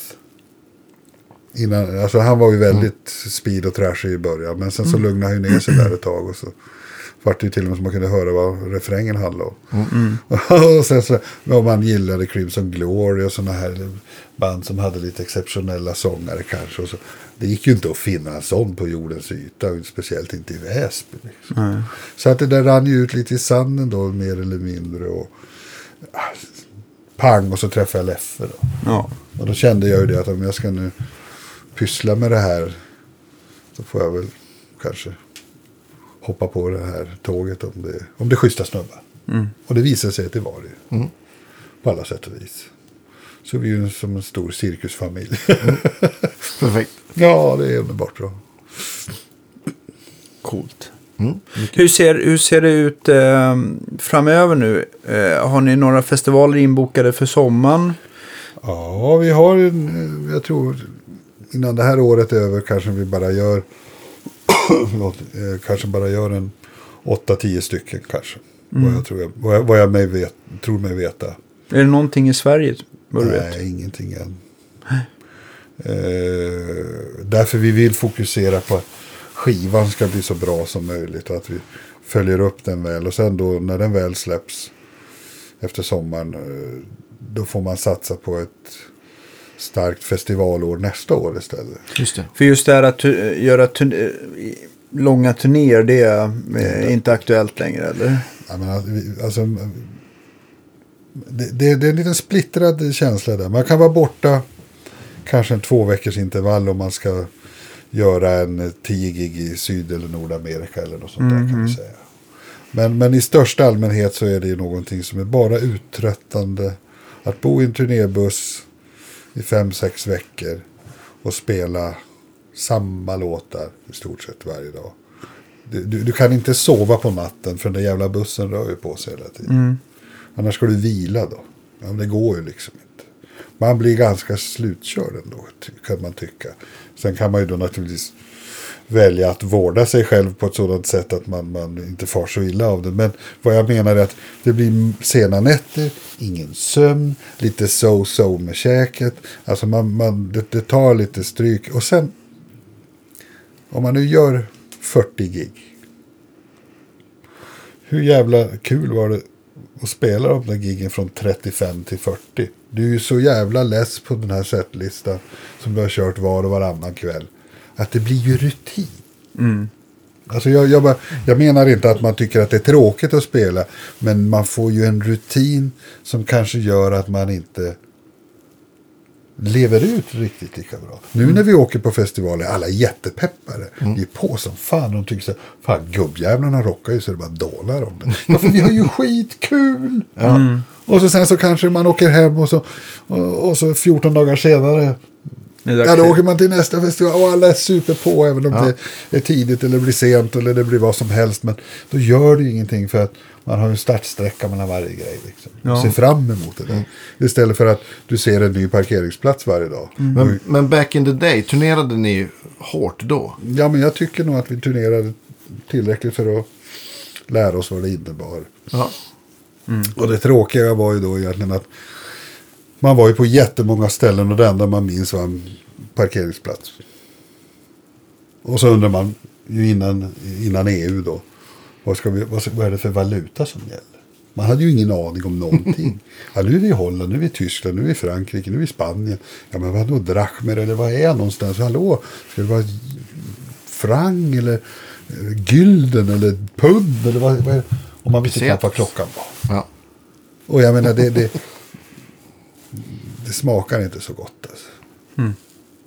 Sen, sen förstår jag en, en del som, som gör så. Man gör så för att bibehålla sitt, sitt varumärke och så. Och man ska eh, liksom promota sin skiva och allting. Och, men nu alltså är man ju 55 år gammal alltså.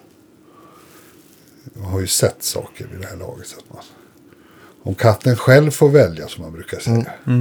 Så, så, så la, la, lagom är bäst så att vi inte bränner sönder bandet kanske. Jag menar, Men det är väl bra.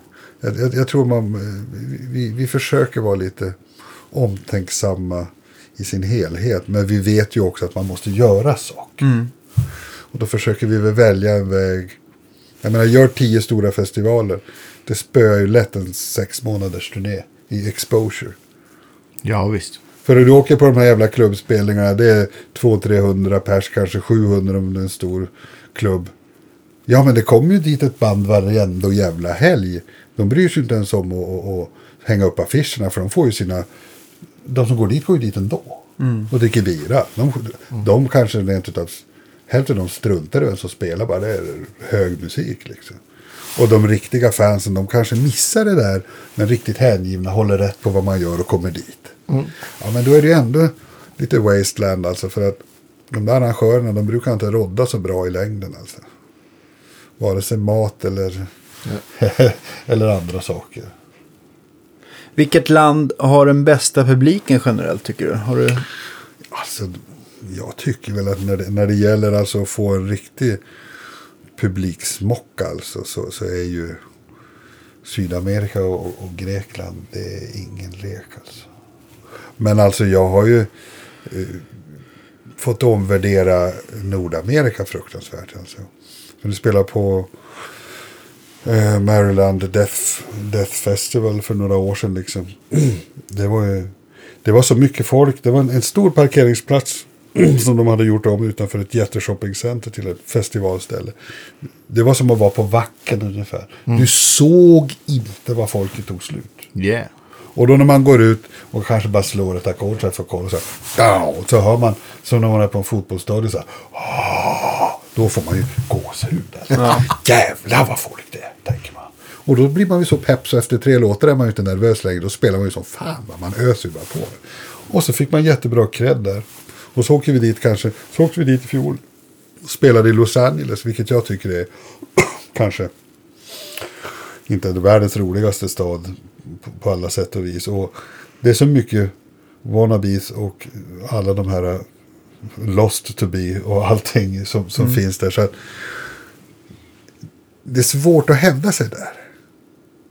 För att folk är så less. Alltså du kan, du, kan, du kan inte överraska dem nästan längre. Och så kommer vi dit och spelar på, på, på en klubb. Där de, där de liksom... Det var helt fullsmockat. Och de bara, ja men herregud. Har ni lyckats fylla det här stället? Och ingen var ju mer förvånad än vi. Typ, va? Och de tyckte det var, det var till och med en sån här morspitt som det fanns på 80-talet. När de springer runt i en cirkel som Yeah. tårar. Och, kro- och krockar hårt med Ja, man varandra. tacklar varandra. så- Och man stod och lirade och tänkte nu dör någon snart. Nej, men och det var helt makalöst. Och fick jättebra recensioner. Så åkte vi, åkte vi upp till Kanada och gjorde ett gig. Så läste vi recensioner. Det stod så här. Att höra Candlemass var som att höra, var som att höra ett städ falla från Empire State Building. Då Yeah. tänkte jag, du, där Yes! satt den. Där fick feta riff i ryggraden. Ja. Ja. Och, och då tycker man ju, va? Var det i Los Angeles? Så det, det, det, det finns ju ett intresse fortfarande i det hela. Men, men just när det gäller så här, publik i mängd och så här, då är ju just det, det, det, det går alltid bra i Grekland, det går alltid bra i Sydamerika för att de är så hängivna till, till metall där liksom. Så att de går loss i 180, alla långhåriga. Ja. Alla ser likadana ut. Alla har jackor med miljoner tryck. Och de bara vrålar rakt ut liksom. Och det är ju en sån härlig känsla. Alltså. Ja. Och de är så tacksamma efteråt. Och de vill ha autografer och man får de pussa på kinden. Mm, mm, sen som i Frankrike. Så, åh, herregud, åh, de grinar nästan. Och man, man blir alldeles så här, men herregud, vi har ju bara spelat lite hårdrock i en och en halv timme. Så farligt var det väl inte. Men det, och, det är härligt. Ja, man har ibland sett tre generationer. Alltså. Man har sett en gubbe med en utsliten t-shirt från 80-talet. Hans dotter som står med sitt barn som är tio år gammal i publiken. Med våra t-shirt på oss. Ja, det Då får man ju en tår i ögat. Alltså. Ja. Och man ser även, fast det finns en lite morsig publik, så lämnar de en liten space runt eftersom den lilla grabben är där. Alltså det, det är så skönt att se. Även om folk är helt galna så, oj, oj där, då passar de sig för att morsa för nära den här familjen kanske. För han vill ju inte ha en jävla stålhättedoja i ryggraden. Utan, alltså det är ju fantastiskt. Och då blir då, då är det nästan så att man, man glömmer bort att spela för man blir alldeles tagen av den där Ja. Ja, jag tänka mig. Men har ni, fått, eh, har ni fått avbryta någon konsert på grund av att det har blivit för stökigt eller hänt?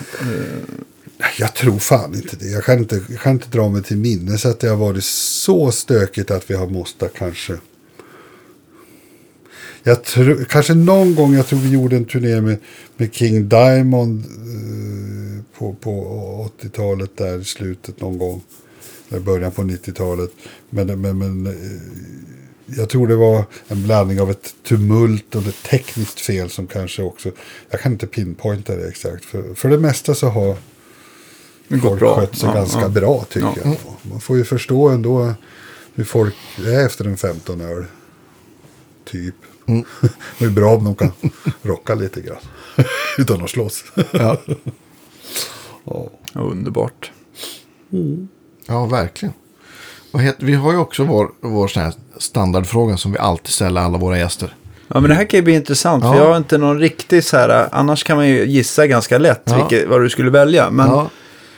Huset brinner och hundar, fruar, barn, katter, hundar, allt sånt ute. Men du hinner bara ta en gitarr. Vilken blir det då?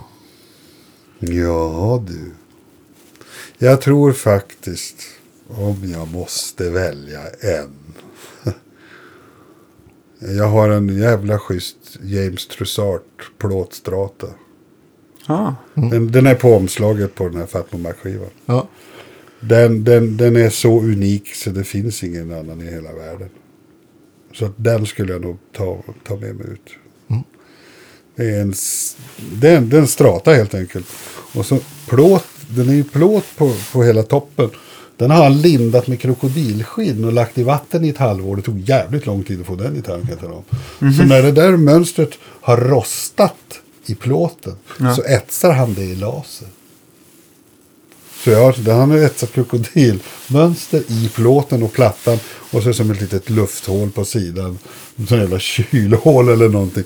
Sen är det som vanligt. Det är två handbacker, en, en Floyd. Och that's it. Helt makalös. Men, men väger den rimligt?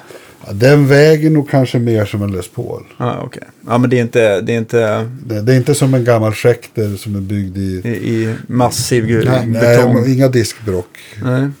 Den är lättare än en Les Paul Custom men den är lite tyngre än en standard. Så kan vi säga. Ja, Vi har ju pratat om en massa himla fina gitarrer här. Och bland annat den här. Kan du inte fota några gitarrer så kan vi lägga ut det också på, på vår Facebook-sida. Ja, om, om du det har kan lust. göra. Det räcker om du tar med telefonen bara och skickar så. Jo, men absolut. Det skulle jag kunna göra. Därför att... Tänk att dina, din signaturgitarr och, och den här Trussard-gitarren. och det Jag, jag, var ju, jag var ju här för inte så länge folk. sedan när, när Kullen höll på och baxa med någon förstärkare. Då hade jag ju just fått tag i en eh, Les Paul Tokai från Custom Shop. ja just det. Som var ju som så här Paul Reed Smith curlad topp. De byggde två stycken och jag fick tag i en. Ah. Tack som fasen säger jag.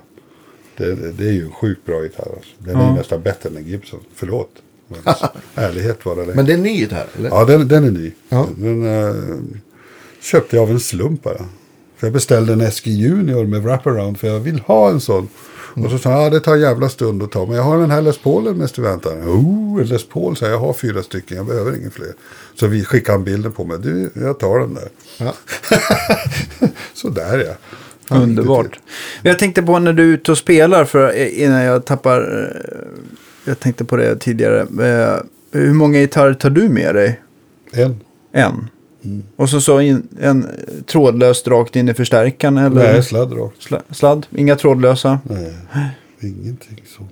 Nej. Jag gör så här att varje år mellan jul och nyår Ja. så köper jag en rökig whisky, en Ardbeg eller något sånt där. Och så byter jag strängar på alla mina gitarrer.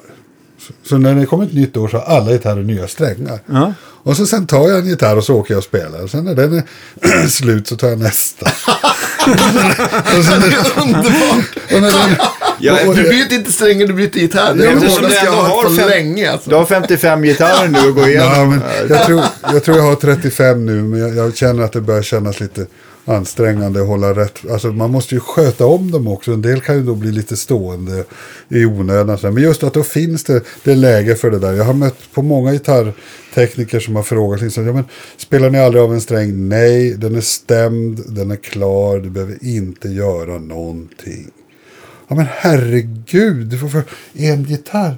Och då brukar jag säga, om gitarren kostar 25 000 spänn och den inte håller längre än en och en halv timme. Då tror jag jag slänger ut den i publiken när jag är klar, för det är jävla dålig gitarr. Så. Har, du slag, har du slagit sönder gitarrer på scen? Eller av, Alltså det, det, har, det, har, det har hänt något sporadiskt tillfälle när det, här, det, är, det är lite skämmigt men det är lika roligt som det är skämmigt. När vi spelade på Sweden Rock Festival så hade jag tjackat en, en Squire Strata. Ja. Som såg precis ut som, jag hade två svarta strator. En Maple och en Rosewood. Ja. Som jag körde med. Och sen så hade jag då den här Squire som också var svart. Jag tänkte, ingen tänker ju på att jag byter gitarr. så jag böt ju bara leadmicken för att det skulle bli något skjut i den där. Annars var det ju inte så mycket att ha egentligen. Och så skulle jag då göra en jättetuff grej. För jag hade ju Vi hade ju haft högtalarrekord på Sweden också. Jag hyrde ju alla 412 som fanns från Stockholm och neråt. Jag hade typ 24 lådor bara. Brom. Usch, så här. De spände med spännband runt för att de inte skulle välta för det blåste så, Ja, okej. så det skulle bli farligt. Och ja, då skulle jag göra den där coola grejen. Den sista låten var klar, du vet. Slå en flash roulette och så bara skicka den rätt upp i så högt jag bara kunde. Och så bara gå min väg.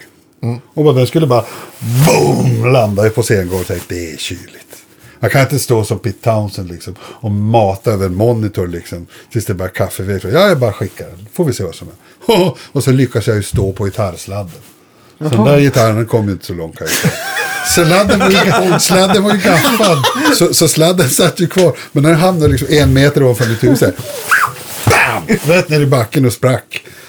Och då, då var det så här. Bang! Och så hörde man där när det blir jordbrubb. Så här.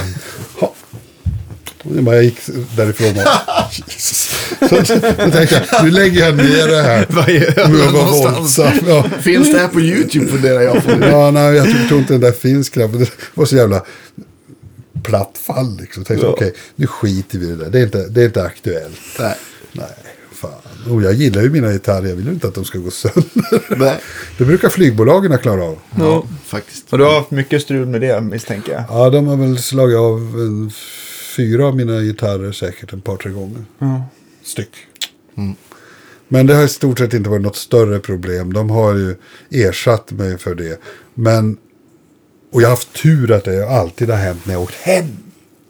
Ah. Hade jag åkt dit med en gitarr och huvudet Och av. du som är vänster dessutom. Ja, men Ja, då blir-. Det hade ju inte funkat alls. Nej, då är det problem.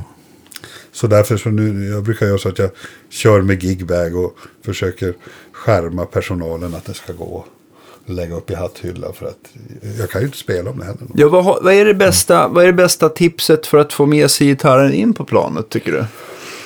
Att ha en så liten och slimmad gigbag som möjligt och att vara så lång som möjligt så att inte gigbagen förefaller så stor. Du skulle ju till och med kunna sätta gigbagen upp och ner under jackan. Då skulle ingen ens se Ja, nej, men ju jag, jag brukar, och så brukar jag, den där uh, Framus-gitarren är ganska tunn. Jag brukar ofta åka med S, Gibson SG-gitarrer, tunn. Jag visar dem att den är jätteslim. Det går att skjuta upp den ovanpå andras resväskor. Och sen också åberopar jag dess värde. Eller någonting att det, jag kan inte, snälla, snälla. Nej. Ja, men Då okej. kanske det är en fördel då att du är vänster också säger att det är special för att du Ja, jo, fast det, det, det kan de inte alltid förstå. Men de kan förstå när man ser lite lidande ut. Att, det, att, att snälla, det är min dyrgrip. Kan jag? Jag måste få. Ja, men okej då. Ibland har det hänt att de till och med stoppar den i sin... De brukar ha en garderob där framme vid toaletten. Mm, ja, ja, just sina kläder. Kan du ställa in den där till Ja. så, så lyxigt kan det ju vara ibland. Ja.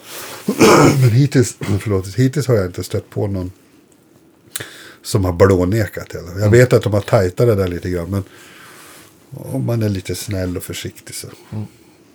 De kan ju inte begära att man ska lägga en gigbag i bagaget. För då, Jag har fått göra det. ja men då är bara skit kvar. Ja, det gick bra faktiskt. Och det var en dubbel gigbag med SG och Strata. Jag tänkte det. Jag kommer inte ha någonting att spela på. Nej, det kommer bara vara Ja, sopor. men då, hade de faktiskt, då var de faktiskt snälla. Jag, jag var helt uppgiven i, ja, men i en och en halv, två timmar. Va, va, vilket land? Det var här i Sverige. Aha. Vilket flygbolag? Eh, jag kommer inte ihåg. Men var det på, från Arlanda eller var det att, du, att det var Ryanair-skiss eller något sånt där? Nej, det var från Arlanda. Jag tror vi skulle till Luleå. Skulle spela Jaha. i Piteå.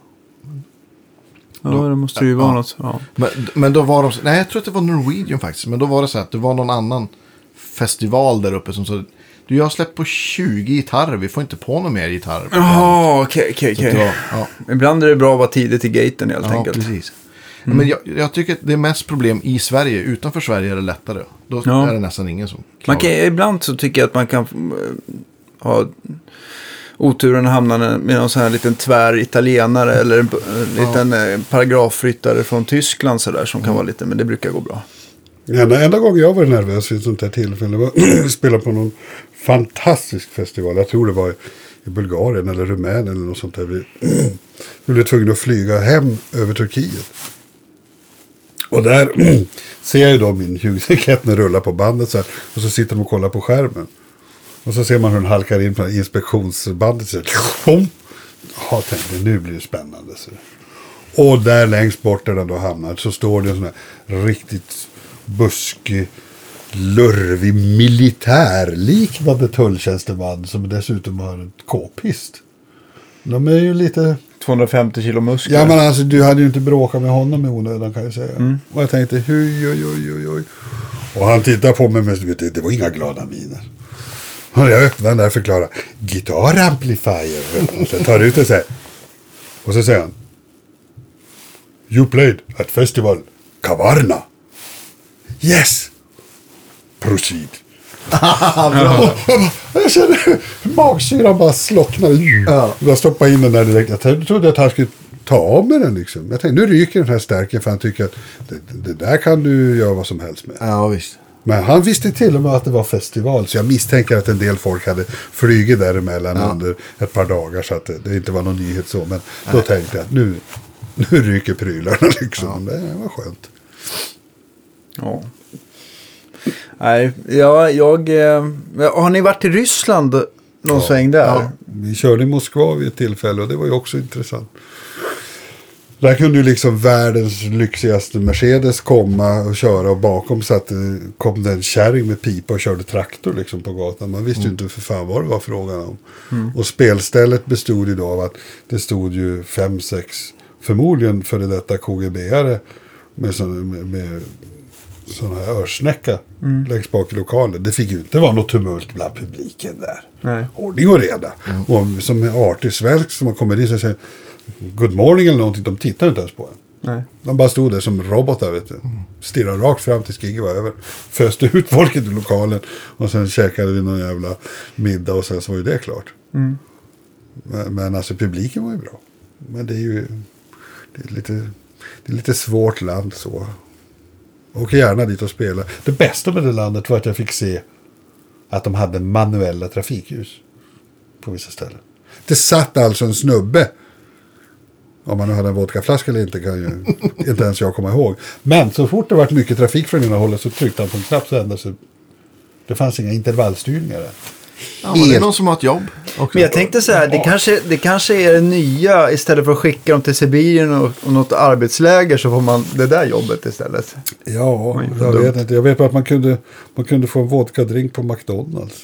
Tyckte jag var spännande. En Big Mac och en vodkamix. och pommes frites. Det tyckte jag var spännande. Ja, Men det, det var- är, det- det är snart här också. Vänta. Det var, det var ett, ett antal år sedan ändå så att eh, nu får vi se. Men eh, som det ser ut nu också kommer det väl kanske bli svårare att resa till Amerika också. För det har man ju också tajtat åt. De ska ju ha så mycket information av en så att Ja, det, är alltså, även om man bara ska, om man flyger dit som turist och ska ha ESTA så är det ganska mycket frågor. Då. Ja, och, jo, men och- det är det. Ja, men att besöka ambassaden och få arbetstillstånd och grejer, Ja, det är ju en Ja, sak. det är ju skitmycket Men he- hela den fråge...